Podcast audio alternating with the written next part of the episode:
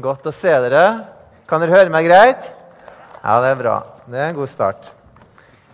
Så eh, jeg tror det at alle av dere kjenner meg, men jeg kan jo igjen bare si at navnet mitt er Tor Håbrekke. Jeg er gift med Wanda, og eh, sammen så leder vi søndagsskolen. Vi har vært i eh, Pinsekirken nå i ja, nærmere sju år. Og vi er utrolig glad for å være her, og eh, vi har virkelig funnet vårt eh, sted her. Og det har barna våre også gjort. De eh, har fått utrolig gode venner her, og de har fått et fellesskap som vi bare gleder oss over hver dag. Og vi opplever virkelig at barna våre de, eh, Det er ikke noe tull de er involvert i, for å si det sånn. Og det er utrolig godt, eh, fordi at det gir oss også mulighet til å kunne fokusere på jobben vår, fokusere på venner og andre ting, og, og vite at barna de, de, er on the track, som er et godt track. Så det takker jeg virkelig eh, dere for, og, og det å kunne være her i kirka. Og eh, I søndagsskolen så er det jo ca. 120 barn som er registrert. Jeg bare sier litt om det før jeg starter å tale. Og eh, på hvert trinn er det ca. ti stykker i snitt. Noen trinn er det 6-7 stykker, og noen er det helt oppe i 11-12 stykker. Og eh, jeg tenkte bare at eh, Tenk om vi hadde fått 30 stykker på hvert alderstrinn helt ifra 2010 og helt opp til siste alder, som er nå, 1999-2000. Da hadde det vært 330 barn i søndagsskolen. Det hadde vært eh, heftig. Så da har alle sammen virkelig kunne hatt venner på hvert trinn, funnet virkelig mange de kunne spille sammen med. Og en kunne ha enda mer dybde i hver eh, søndagsskoleklasse, for da er det som skoleklasser på hvert trinn. vet du. Og eh, jeg bare tenker selv på eh, dette med søndagsskolen, og det at det kan vokse på den måten, har også veldig mye å gjøre med at vi følger med litt i familiene våre og i nabolagene våre. Selv så vil jeg bare dele at eh, Bror min har tre barn ute på Valstad. Så hvis han hører på Internett på en talen her nå, så vil jeg bare hilse deg så veldig mye. For jeg har noe veldig godt å si til deg òg. Eh, eh, han har tre barn, og de faktisk eh, er veldig glad i å komme på søndagsskolen. Så eh, en av de spesielt, hun går i tredje klasse på Valstad. Og, eh, og der er det to andre også som går her på søndagsskolen. Og eh, hun er veldig glad i å komme hit. Og eh, det som eh, jeg husker for ca. et år tilbake, når det, var, eh, når det da var Candy Party og alt det som skjedde der, så ville hun ut med trick and treat og ha på seg horn og alle de tingene. Det var liksom greia. og De mente sikkert ikke så mye med det, men det var det som var inn. Og i år så sier hun at hun har hørt at eh, de andre de hadde vært på candyparty, og Der var det okse, og der var det så mye som skjedde. Og der skulle i hvert fall hun neste år. Det var klart. Så det som er så godt å vite, er at i klassene så begynner de å snakke om det, og andre de plukker det opp, og de får høre om det. Og det gjør jo til at det her kan virkelig bli at det blir etter hvert så mange på hvert trinn i søndagsskolen og i barnearbeidet. Amen? Amen. Og det som jeg også vil dele Sist jeg var og henta henne og, og plukka henne opp på søndagsskolen, så tok hun på seg genseren sin. og så hadde hun sånn genser da, med noen sånn dødningeskaller på. Så sa ja, Tor egentlig så passer kanskje ikke den her så godt for søndagsskolen. Så hun begynner å tenke og reflektere virkelig over hva hun gjør, og hvem hun er, og hva hun vil med livet sitt. Halleluja. Amen. Det, det er utrolig godt. Det som jeg vil dele om i dag, er jo spesielt fra Galaterbrevet. Og Wanda og meg selv vi har studert Galaterbrevet sammen. Og når vi har vært ute og reist, og vi hadde på våre iPads, og vi har satt og lest sammen og diskutert sammen, det har vært utrolig fint. Så jeg kommer til å dele en del fra det. Men først vil jeg bare at vi skal be sammen og forberede hjertene våre for å høre Guds ord. Halleluja. Kjære far, jeg tror virkelig at hele Skriften den er inndående av deg, Gud. At den er nyttig til lærdom. At den er nyttig til overbevisning, til rettledning og opplæring i rettferdighet. For at vi som kirkegud skal bli satt i stand og godt utrusta i all gjerning, kjære Gud. Jeg ber virkelig at ordet at det bare skal få røre hjertene våre. Jeg ber, Herre, at vi bare skal åpne hjertene våre, at det skal falle i god jord, Herre. For ditt ord, Herre, det er levende. Ditt ord, Herre, det kan virkelig røre hjerter, Herre. Det kan gjøre noe med oss og forvandle oss, Herre. Så jeg bare legger denne eh, preken her og det ordet som jeg skal dele, i dine hender, Gud, i Jesu navn. Amen. Amen. Gud har jeg innsett han forstår virkelig oss mennesker. Han forstår hvem vi er, han forstår våre behov, han forstår vår smerte. Han forstår eh, vår glede. Han forstår det innerste inne i oss. Og det her er noe som jeg begynte å oppdage når jeg selv tok imot Jesus og begynte å lese Bibelen. Så innså jeg og så mer og mer at han forstår oss virkelig. Det som eh, jeg også innser, er at han ikke bare forstår oss, men han ønsker å ha en relasjon med oss. Han ønsker å hjelpe oss, han ønsker å være en del av våre liv. Det som er mer fra vår side, er at vi forstår ikke alltid Gud. Og en som ikke hadde helt forstått Gud, det var Paulus. Paulus hadde i første del av sitt voksne liv han hadde misforstått veldig mye om Gud. Og Det kan vi lese veldig mye om når, når han deler med de ulike menighetene som han har starta opp. Så vi, forstår vi hvor mye han hadde virkelig misforstått Gud. Han, han var utrolig nidkjær for Gud. Han ga 100% for Gud. Men han gjorde det på en sånn måte som han hadde blitt lært opp til. Han fulgte matritualer. Han fulgte eh, renselsesritualer. Og han fulgte sabbat og alle de regler som han hadde blitt lært opp til som jøde. Og da han hørte at det var noen som hadde møtt Guds sønn, Jesus Kristus, så ble han veldig eh, sint. Han eh, ble faktisk voldelig av seg, og han begynte å starte en plan om å utrydde de som kom med det budskapet. Så han hadde virkelig, han hadde misforstått Gud, og han hadde da kommet til det punktet at han skulle prøve å utrydde dem. Men så får han selv en åpenbaring på veien til Damaskus. Da møter han Jesus i et syn. Han blir helt sjokkert. Han, eh, han skjelver, og han spør da Jesus der han står, 'Hva skal jeg gjøre?' Og det er jo en god start. Å åpne hjertet sitt på den måten og si 'Hva skal jeg gjøre?' Han får visse instrukser, men det som da skjer etter hvert, er at han eh, som vi kan lese, at han ender opp at han drar til Arabia. og Der er han borte i flere år og reflekterer over det som har skjedd.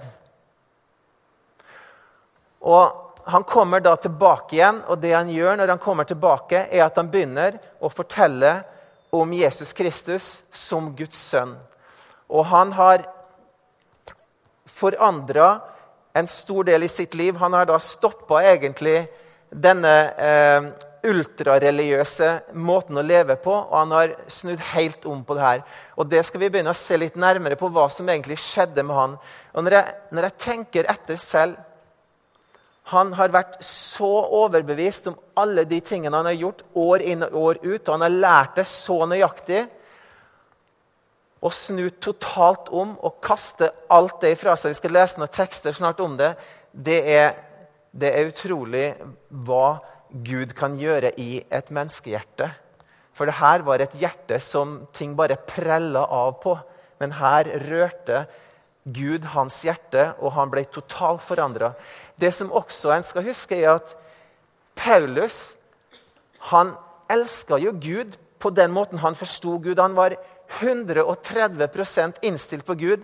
Men Gud måtte røre hans hjerte og kanalisere alt det inn på riktig trekk.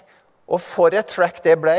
Han forandra jo hele eh, Lille-Asia og helt opp til Italia med all den nidkjærheten han hadde for Jesus. Han måtte bare bli pekt inn på riktig spor. Halleluja. Utrolig sterkt. Så hva var det egentlig nå Paulus hadde skjønt etter at han hadde møtt Jesus i det synet, og etter han kom tilbake, hva, det, hva var denne åpenbaringen som han hadde fått? Han hadde skjønt det at uansett hvor mye jeg prøver å holde loven og de ritualene, uansett hvor mye jeg gjør det, så vil jeg ikke være, klare det nok. Det er ikke veien å gå. Han innså det at det der er ikke veien som han kan gå. Og han la det til sides, og han innså det at det var kun gjennom troen på Jesus Kristus at han kunne komme seg videre i sitt liv. Og han innså det at han kunne ikke lenger redde seg selv, men han måtte akseptere at noen andre måtte redde han. Det var egentlig den oppdagelsen som han gjorde. Og Hvis en da stiller seg spørsmålet på en måte i forhold til Jesus Kristus og hvordan kunne han på en måte redde oss, hva er egentlig den oppdagelsen som Paulus da gjorde i det her? Han, han innså det at Jesus Kristus han gjorde alt det vi trengte å gjøre, men det vi ikke selv kunne gjøre. Han tok vårt sted. Og Gud, vår far, han aksepterte også det offeret og reiste sin sønn fra de døde. Og Jeg syns det er ganske flott å se det i denne barnefilmen eh, 'Narnia'. For de som har sett eh, 'Narnia', der ser du at løven Aslan, som, eh, som er symbolet på Jesus i Narnia da, blir da ofra i Narnia for gutten Edmund. Edmund hadde forrådt eh, Narnia og hadde gjort seg skyldig til døden. Men i Narnia så var det slik at det var mulig at noen kunne dø i stedet for en annen, og da ville den personen bli fri, og eh, den, eh, det, det forræderiet ville bli sletta. Og Aslan han måtte ikke gjøre det, men han valgte å gjøre det. Og han ble da lagt på dette alteret i Narnia og ble ofra der. Og barna der de, jo, de var jo så utrolig glad i Aslan. Men det som da skjedde dagen etterpå, når de kom dit så, og skulle se han, så så de også at Aslan kom til live igjen på, den, eh, på det alteret. Akkurat på samme måte som du da så at Gud reiste Jesus opp fra de døde. Så det er en utrolig fantastisk film og en fantastisk måte å formidle kjernen i evangeliet til eh, barna gjennom en sånn film også. Så Kristus han døde ikke bare som et offer, men det var et, det vi kaller et stedfortredende offer. Han tok vår plass. Og hvorfor tillot Gud det her? Det var ut av ren nåde. Fordi at vi mennesker vi hadde ikke tenkt ut en plan her og tenkt ut det her om Jesus. Det her var Guds plan fra start til slutt. Vi kan ikke ta noe credit for noe av det her som gjorde. Dette var Guds plan fra start til slutt. Det var nåde fra begynnelse til slutt. Han gjorde alt det her fordi han elska oss så ufattelig mye. Det var det som da Gud gjorde, denne redningsoperasjonen. Og, og det måtte tatt en stund for Paulus å virkelig reflektert gjennom. For det her var på en måte ikke Vi, vi leser det, vi, vi, lærer om det, men han, han valgte ikke å dra heller til Peter og de andre i Jerusalem og, og, virkelig få det der. Han ville virkelig se på det som en direkte åpenbaring fra Gud, og han dro til Arabia. Han reflekterte over det. Han var kun to uker innom i Jerusalem for å møte med, med Kefas, også med Jakob, Jesu bror. Men han virkelig fikk dette fra Gud, og han, han reflekterte gjennom og begynte å forkynne basert på den åpenbaringen han hadde fått rett ifra Jesus Kristus selv. Så det er, det er på en måte settingen og bakgrunnen og livet til Paulus og hvordan det starta ut. Så begynner han jo å forkynne, og han begynner å bygge eh, han begynner å bygge menigheter og fortelle mennesker om denne åpenbaringen om Jesus Kristus. Og i, Galat, i, i Galaterne så er det jo ulike menigheter. og Det var eh, keltere, er det mange som eh, tror, som hadde kommet til den delen av Tyrkia hvor Galatia ligger.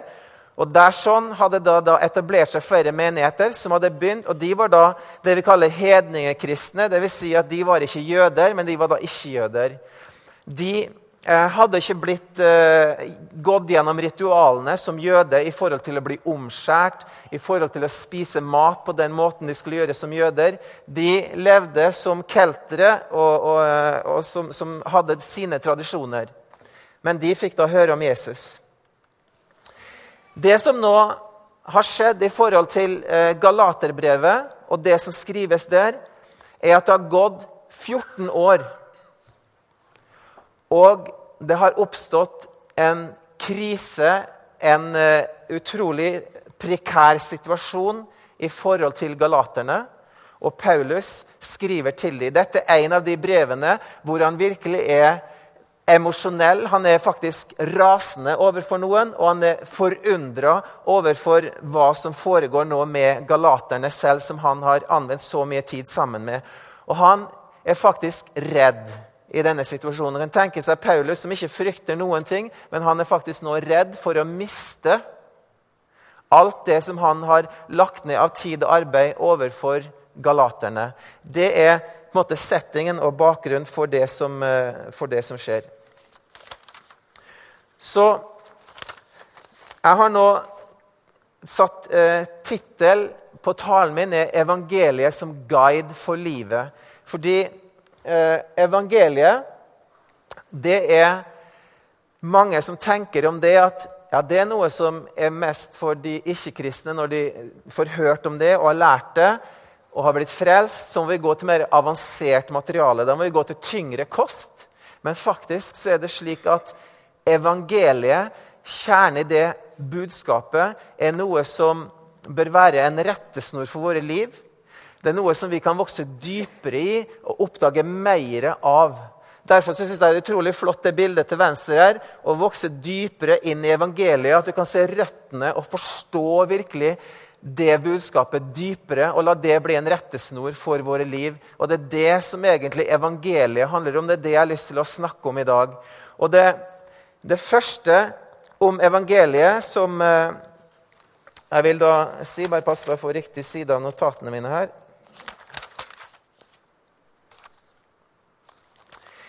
Det er punkt nummer én, og det handler om dette med tro alene. Og... Eh, det som jeg snakker om om Paulus, om, eh, om Paulus, Han ser da at det første i Galaterne 2,19 så skriver han at For ved loven så døde jeg for loven, for at jeg skulle leve for Gud. Jeg er blitt korsfesta med Jesus Kristus. Det er ikke lenger jeg som lever, men det er Jesus som lever i meg. Så den oppdagelsen som Paulus hadde, var at loven, den er jeg død for. Det er ikke den som jeg skal bygge min frelse på. Jeg skal bygge min frelse kun på troen på Jesus Kristus. Det er han som nå lever i meg. Og det her er ganske sterkt at noen sier det på den måten med den bakgrunnen de har. og Det kan vi se utrolig bra i Filipperne kapittel 3, vers 4-9. Der sier eh, Paulus det, første, det følgende Ytre sett har jeg også veldig stor grunn til utrolig selvtillit. Andre mener at de kan sette sin lit til det ytre. Da kan jeg faktisk gjøre det enda mer. Og hvorfor det? Jo, jeg har blitt omskjært den åttende dagen. Det er nok den perfekte dagen i forhold til eh, loven å bli omskjært den åttende dagen. Han er Israels folk, av Benjamins stamme. Hebreer av hebreere, lovlydig fariseer, brenne og ivrig forfølger av kirken, uklandrelig i min rettferdighet etter loven. Her var det alt på stell, og han lå virkelig 100% on track på alt dette. Men så skriver han videre Men det som før var en vinning for meg, det regner jeg nå for Kristers skyld som tap.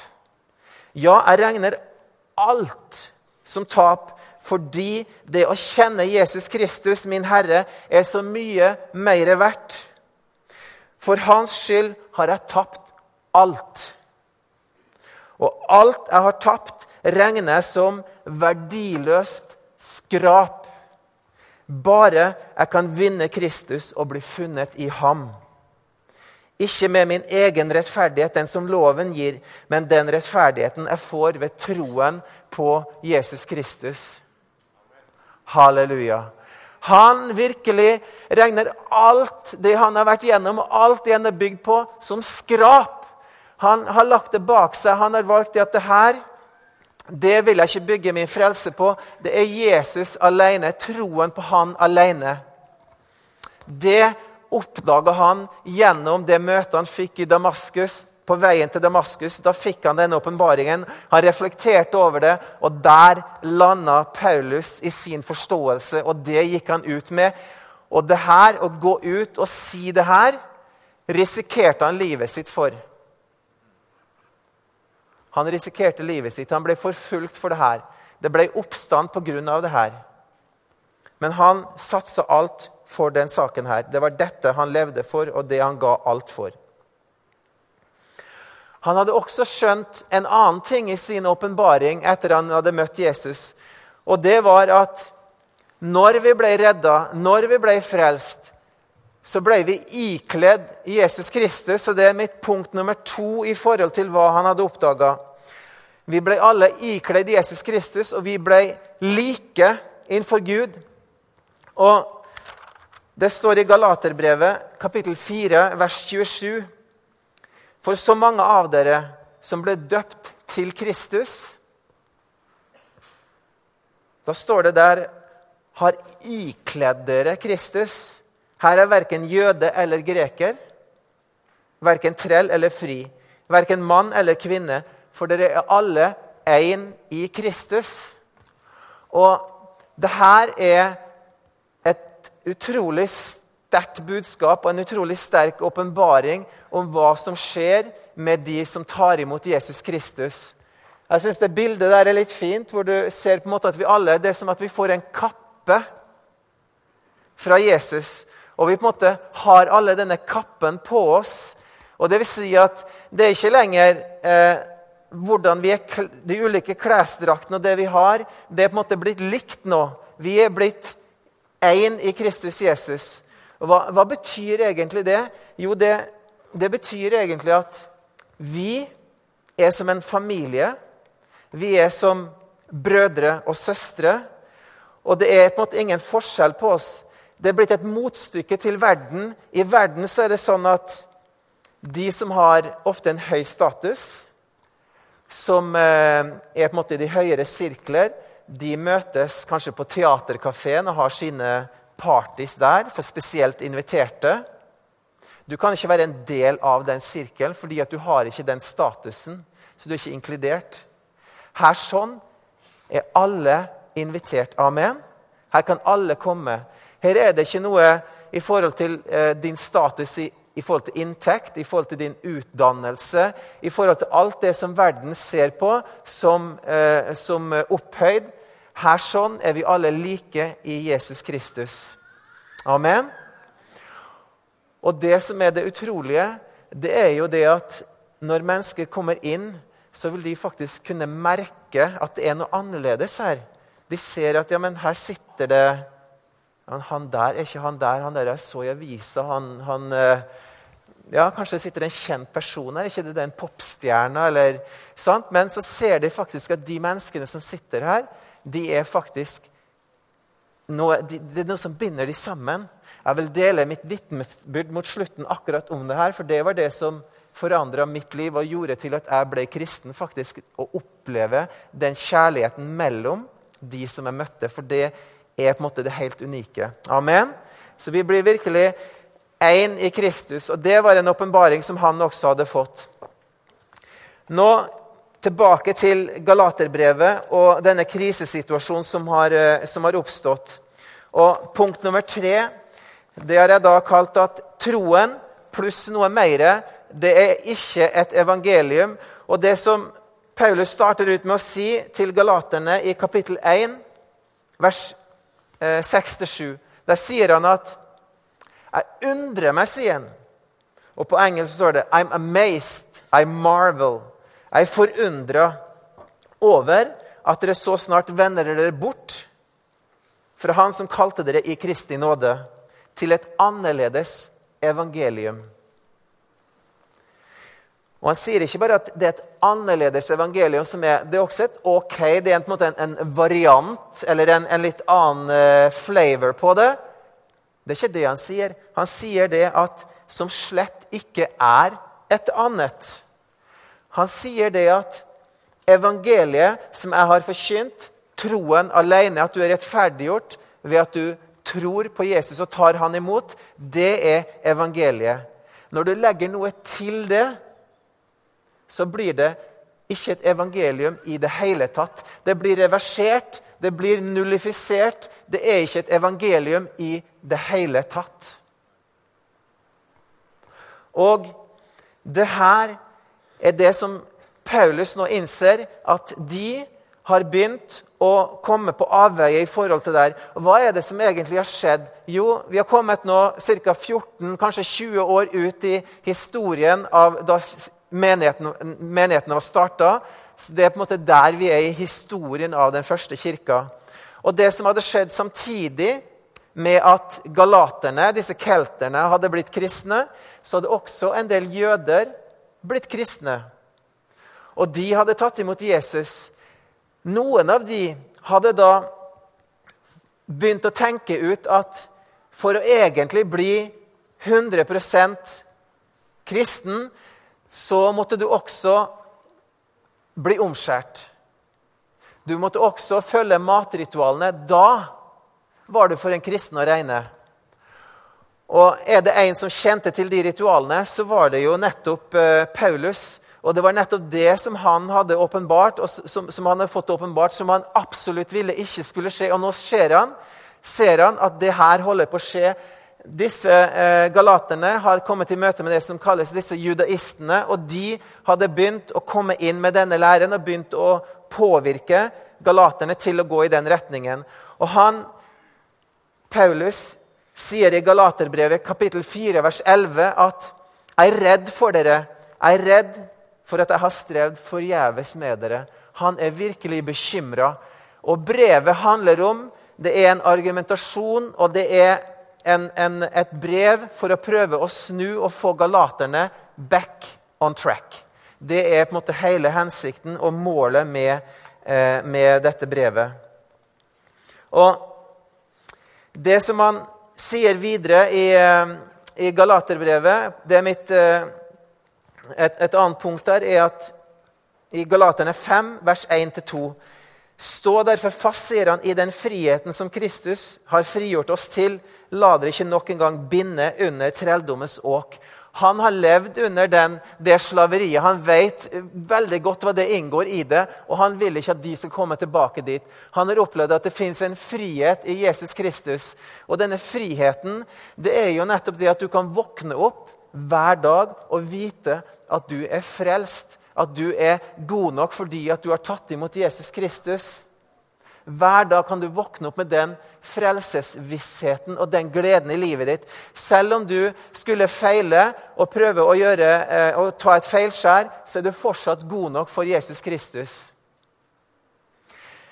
Det som er viktig å si, er jo at Paulus han sa ikke lenger at vi skal stoppe å gjøre de ti bud, men han hadde sagt nå at loven og det er ikke lenger et system for frelse. Frelsen er troen alene. Og det å leve ut og ønske å være ærlig, oppriktig, elske sin neste, elske Gud, det gjør han ut av en motivasjon og en glede fordi han har fått Jesus Kristus i sitt hjerte. Så den kjærligheten Og han ønsker bare å elske tilbake den som redda han. Det er det som er motivasjonen og driveren virkelig for at vi ønsker å leve ut et liv sånn som Jesus Kristus vil vi skal leve. Men det er ikke det som er eh, grunnen til at vi gjør det for at vi skal bli frelst. Det er allerede tatt imot, og den friheten den har vi, og den frelsen den har vi. Det er det han ønsker at de skal få leve og fortsatt holde seg i det sporet. Så det som han gjør i mitt punkt fire, det han begynner nå, å kjempe en forsvarskamp. Og det første han gjør, det første grepet han tar, det er at han nå, etter 14 år, drar opp til Jerusalem. Drar opp er jo fordi at det er på en høyde, så han må på en måte gå oppoverbakke. Komme til Jerusalem. Og han, det han gjør, og grunnen til at han gjør det, det er veldig viktig. Han drar ikke dit til eh, Jerusalem for å møte Peter og Jakob og Johannes, som er søylene og støttene virkelig i, eh, i, kirken. Han drar ikke dit for å høre om evangeliet mitt må det tweakes litt nå, må det justeres litt nå. Nei, han er helt klar på hva han har fått åpenbart. Han drar dit fordi at han vil eh, få på en måte et, et håndtrykk, et stempel på at han er at de er én om hva de driver, og at det også er bekrefta av de fra Jerusalem at de også står for det samme. Og som en test også, fordi at det som skal være veldig klart, er at hvis han nå hadde kommet til Jerusalem, og Peter og de hadde sagt at sorry, men eh, alle disse som du nå har nådd ut til, de må omskjæres. Hvis de hadde sagt det, så hadde det blitt et skille i kirken etter 14 år. Da hadde kirken delt seg i to fra det punktet av. Så dette er et historisk, veldig kritisk øyeblikk i kirkens historie. Fordi når han kom ned, eller opp til Jerusalem, hadde det her nå blitt en konflikt i det punktet, så hadde ikke Paulus vika en millimeter. Han hadde ikke vika, for Dette her var så klart åpenbart for Paulus at var, han var så sikker i sin sak. Men han trengte å få virkelig en forsikring om at de sto for det samme. Og det han gjorde, det var at han tok med seg Titus, som var en greker som ikke var omskjært, som en test. Han skulle sjekke ut at Peter og de virkelig kom de til å be om at han måtte bli omskjært. Da skjønte han her var det ikke alignment i hvordan vi så på evangeliet. Så Det står da i Galaterne 2, vers 1 og utover. 14 år seinere reiste jeg opp igjen til Jerusalem sammen med Barnabas. Jeg tok også Titus med meg. Jeg dro opp pga. en åpenbaring og la fram for dem det evangelium jeg forkynner blant hedningene, og da særskilt for dem som er høyest ansett, for at jeg ikke på noen måte skulle løpe eller ha løpt forgjeves. Men ikke engang Titus, som var med meg, som er greker, ble tvunget til å bli omskjært. Så han kom med evangeliet, men han ville forsikre seg om at han ikke hadde løpt forgjeves, at denne kampen hadde eh, vært bortkasta. Og han fikk da en bekreftelse på at de heller tvang ikke Titus til å bli omskjært. Og de velsigna både han og Barnabas til å gå ut eh, til hedningene, og de fikk full støtte i forhold til det de sto for. Så Det var det første argumentet overfor galaterne. Dette er ikke bare noe som jeg sier. Dette er full support også fra, eh, fra Jerusalem. Dette er sannheten. Dette er evangeliet. Det neste som han argumenterer med, det er at han er apostel med stor A. Det er mitt neste punkt. Apostel med stor A. Og han sier Og bakgrunnen til det for å si det sånn, er at Judaistene de sier at ja, men det budskapet som eh, Paulus kommer med, det er hans, og det vi kommer med, det er vårt. Og det her, vårt er like mye eh, verdifullt og er like sterkt som det er hans.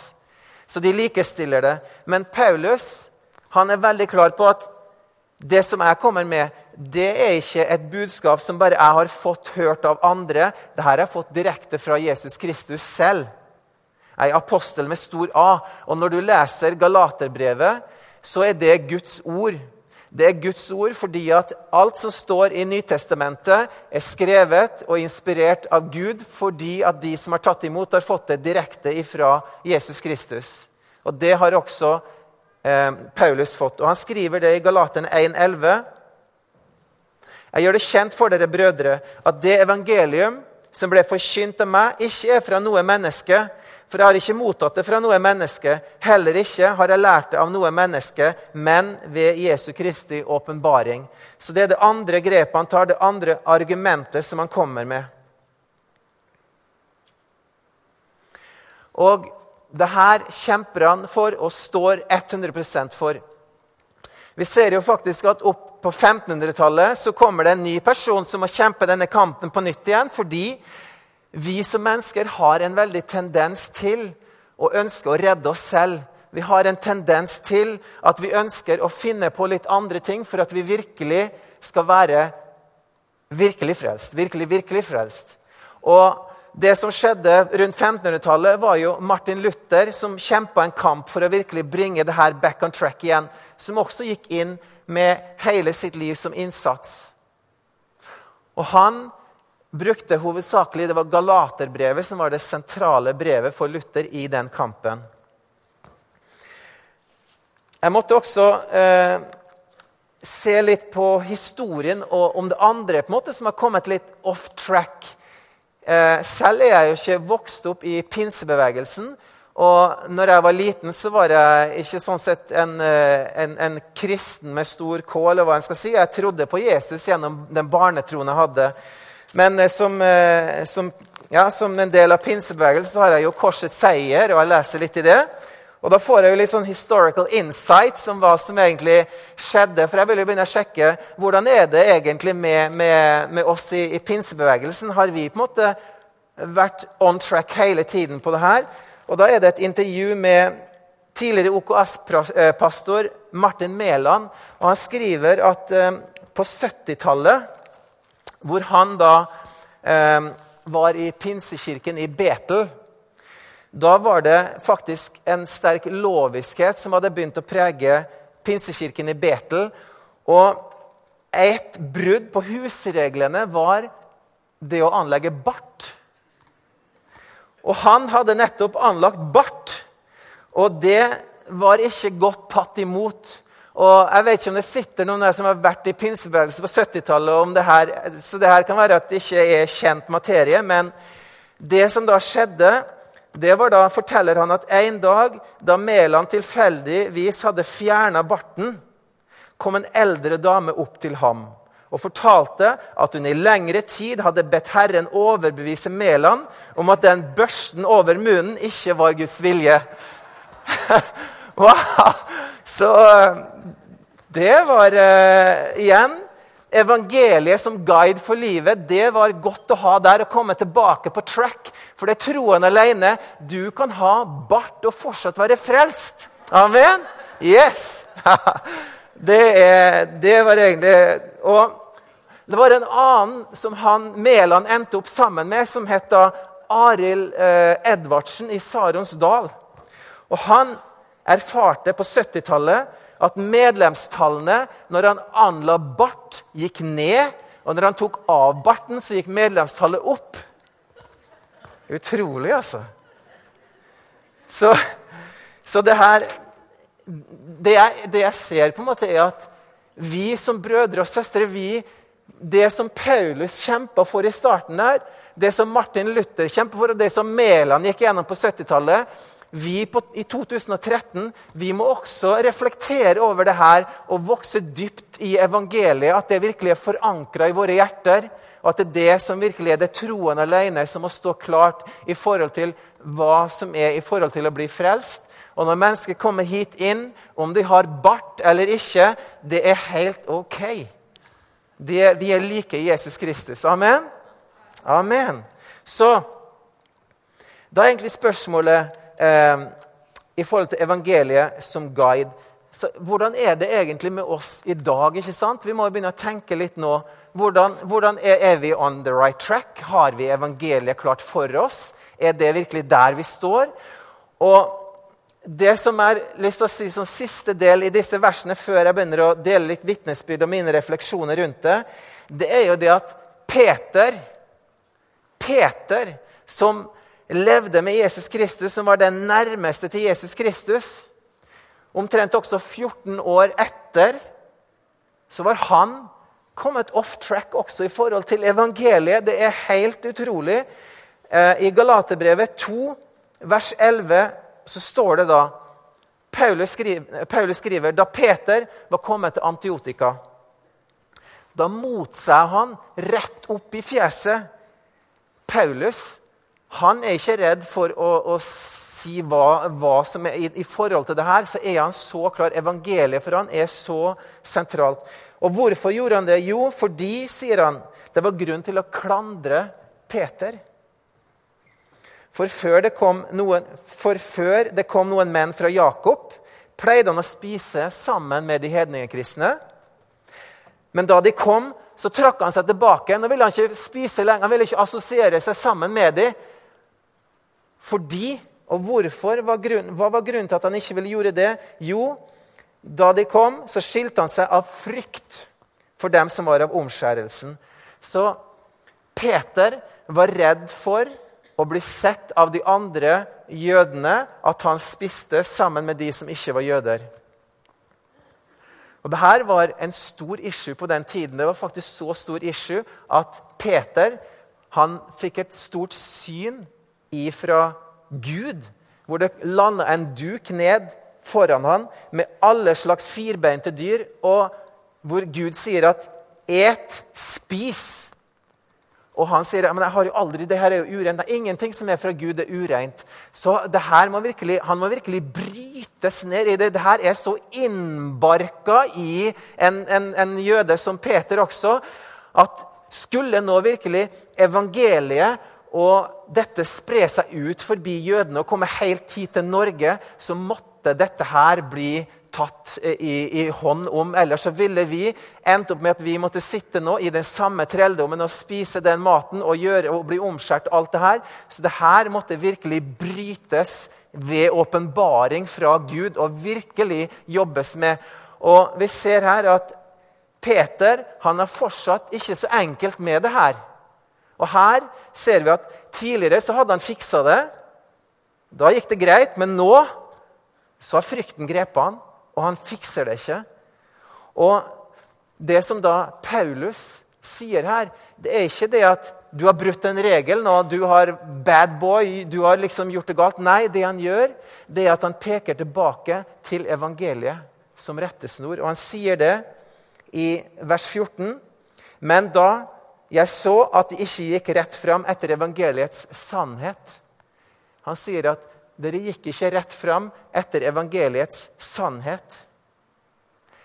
Evangeliet som guide for livet. Peter trengte det også. Han trengte også det som en rettesnor. Så hva med oss? Vi ofte som sagt kan tenke at ja, men evangeliet, det jeg har hørt, det kjenner jeg. Ehm, jeg trenger tyngre kost, kraftigere materiale. Nei, faktisk så trenger vi å få enda mer dybdeforståelse inn i evangeliet. Få enda mer dybdeforståelse i hvor egentlig hvor fortapt vi er. Det er det første. Å forstå dybden i hvor langt borte vi er, i hvilken håpløs posisjon vi står i. Det er på en måte det første. Å forstå virkelig den utrolig eh, ja, hvem vi virkelig er, at, at, statusen vår er virkelig verre den er. Og den andre delen er å forstå dybden av nåden og den kjærligheten og den redningen. Det er på en måte å forstå dybden i de to områdene som virkelig gir oss en, en dyp forståelse av evangeliet. Og, og det her er det da eh, jeg tenker på da videre nå i forhold til oss selv. Hvordan er det med oss? Jeg kan egentlig starte med meg selv og dele litt. Jeg også på, I likhet med Paulus så hadde jeg ikke helt forstått Gud i, min, i mine yngre dager. Jeg hadde hørt om Jesus og Gud, og jeg hadde en barnetro. Men i et overflodssamfunn som vi lever i, så var det på en måte ikke noe driv i forhold til å finne ut mer om Jesus Kristus fra min side. Jeg hadde på en måte helsa mi, jeg hadde maten, jeg hadde venner, jeg hadde familie, jeg hadde skole. Jeg hadde på en måte alt det jeg trengte. Så denne, denne eh, erkjennelsen av at jeg virkelig sto i en håpløs posisjon, den var ikke helt eh, klar for min del. Og Gud ble på en måte Jeg, hadde, jeg husker en gang eh, når jeg var i Forsvaret på Trandum. og jeg hadde blitt eh, forelska i ei jente fra Trøgstad, bl.a. Og, eh, og hun hadde da dumpa meg, fikk jeg da, fant jeg ut etter hvert. Og jeg var så vonbråten. Jeg var så knust. Og Da endte jeg på å gå i et lite kapell på det der, eh, Trandum leir, hvor jeg måtte inn for Gud. Det var på en måte, Så Gud var der, men det var i virkelig sånne krisesituasjoner. da. Og det som skjedde videre i forhold til min del, opp imot 20, når jeg begynte å komme opp i 20-årene og jeg flytta til USA og begynte å studere der sånn, så hadde jeg blitt veldig opptatt egentlig av meg selv. Jeg var veldig fornøyd med meg selv i forhold til mine prestasjoner. Jeg drev med friidrett og det jeg presterte på friidrettsbanen. Jeg hadde blitt tatt inn på friidrettslaget til University of Oregon, så jeg var on the track team. Og jeg hadde fått jeg var ikke blitt ikledd Kristus med en kappe, men jeg hadde blitt ikledd en uh, Oregon Track Team sweatshirt med sånn hood og, hvor det var skrevet 'Athletics Department'. Og jeg bare gikk skikkelig sånn altså, når jeg gikk på campus, see me, og, og var utrolig high opp der pga. det her. Og det som også var at jeg hadde begynt egentlig å se på i forhold til jenter osv. Så, videre, så var det de som på en måte var i my league. på en måte, De eh, fulgte jeg med på, mens alt andre det ignorerte og så jeg bort ifra. Det var ikke så interessant. Jeg så ikke de. Jeg så på en måte de som, som matcha litt opp imot mitt eget. da. Samtidig så hadde jeg jo fra det å være i friidrett i Kristiansund, hvor jeg vokste opp med friidretten, hadde jeg virkelig lært det å komme sammen på trening, det å, å, å trene sammen, det å være virkelig kamerater i treningssammenheng, det kjentes som noe veldig sterkt som jeg hadde fått med meg. Og Da jeg kom til USA og fikk da vite at jo, du er på track team, men du er ikke varsity, for det var de som da var du hadde noe som het on the roster, vil si at du var på lista. Men de som var on the team, de var da de som virkelig var eh, de beste. Og de som var rekruttert fra high school, de var også litt mer status på. Og da var det noen av disse yngre, eh, disse rekrutterte, de fant da på at de, skulle, de snakka sammen om å trene og valgte en annen tidspunkt for trening. som ikke de fortalte oss. Vi kom klokka ni på morgenen. Da hadde de allerede begynt klokka halv ni og hadde begynt å fryse oss ut. Og det her såra meg faktisk. Jeg begynte å kjenne faktisk at det her var vondt. Og eh, selv om jeg på en måte hadde, hadde, dette egoet, så var det faktisk noe inni meg som kjente på at det her var vondt. Og det som da skjedde, når jeg endte opp og Det tror jeg jeg fortalte det eh, før også, men når jeg kom da inn i denne bibelstudiegruppa og Hvordan jeg kom dit, var jo pga. ei jente som var så flott. Men det som var grunnen til at jeg vil fortelle deg nå, det er at jeg kom inn i den bibelstudiegruppa den dagen, da satt det en sirkel av studenter inne i det lille rommet. Syv-åtte stykker. Og Jeg husker spesielt hun ene hadde litt sånn rødt hår, ganske lite av seg. Og han som var eh, leder og lærer, han var eh, i, i noen og 30 år med skjegg og briller. Veldig si, brokete forsamling. Veldig ulike mennesker. Og de matcha i hvert fall ikke Athletics Department og alle de tingene som, som jeg på en måte så på. De var veldig forskjellige. Og det som jeg merka den kvelden, det var at de var alle oppriktig interessert i meg. De hadde en, en, en oppriktig interesse for meg. Og de, de, var, de var veldig Ja, de likte hverandre, da. Uansett om de var så forskjellige. De bare var så glad i hverandre. Og den kontrasten til det jeg hadde opplevd på University of Oregon Track Team, å bli fryst ut og det her, det bare slo inn i hjertet mitt som, en, som en tsunami som bare berørte meg, og det slo på lyset i hjertet mitt. Det var som en lysbryter som ble slått på.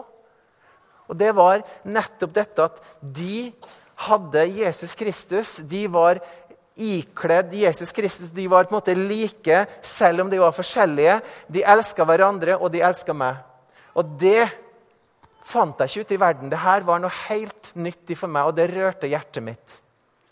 Og det tror jeg er et så sentralt budskap for oss å catche akkurat det der. At faktisk vi som sitter her, brødre og søstre, vi som familie, vi er, vi er på en måte på måten at vi er sydd sammen som familie. Mennesker som kommer utenfra ser oss. Og når du ser på hvem vi er Vi er mennesker fra en høy alder til helt unge. Vi er ulike kulturer. Vi har noen som kan sikkert løpe kjemperaskt på banen, og andre som eh, kanskje må hjelpes rundt banen. Vi er veldig forskjellige i forhold til hva vi eh, Men det som binder oss sammen, er jo at vi har funnet Jesus Kristus, og vi elsker hverandre. Amen. Og det er nettopp det her som jeg ser er, som er virkelig en, en kjerne i evangeliet, å catche akkurat det der og holde fast ved det. Og jeg tror det at hvis vi, hvis vi, virkelig kan catche det og kan leve etter det, så, så tror jeg virkelig at vi har, vi har, funnet noe utrolig stort. Jeg har lyst til å egentlig oppsummere og nærme meg slutten nå. Og kanskje vi kunne synge sammen etter hvert den første sangen fra den vi starta med, 'My Freedom'. Kunne vi gjort det, Martin og Morten? Det jeg også har lyst til, er at vi skal vi skal be sammen og gjerne trenge litt ned i akkurat dette og reflektere over det her som dette å være en, en familie, det å være på en måte like Kristus, å være dette motstykket og representere et levende brev ut til Sandvika, ut til Asker, ut til Bærum. Og tenke på det at ja, det å invitere, sånn som jeg gjør når jeg inviterer søskenbarnet mitt til broren min inn, så gjør jeg det fordi at jeg ønsker å invitere henne inn og la henne få oppleve et motstykke til verden. Og eh, når vi nå skal også ha julekonsert, det at vi virkelig kan invitere mennesker inn, at de skal få oppleve at det er noe annerledes. Det fins et alternativ, og det er nettopp å, å, å på en måte bygge denne menigheten på denne måten. Det har jeg lyst til at vi bare skal be litt og catche litt sammen. Skal vi synge litt, og så skal vi reise oss opp, og så det som hadde vært egentlig utrolig fint å starte med, synes jeg, og det hadde jeg tenkt litt på at Kan vi ikke bare uttrykke dette fellesskapet ved å finne en hånd, holde hverandre i, hendene bare, og, og, be bare sammen? Bare, det, det, å holde en hånd er bare å uttrykke det at vi, vi ønsker virkelig å være ett folk sammen. Halleluja, Jesus. Halleluja.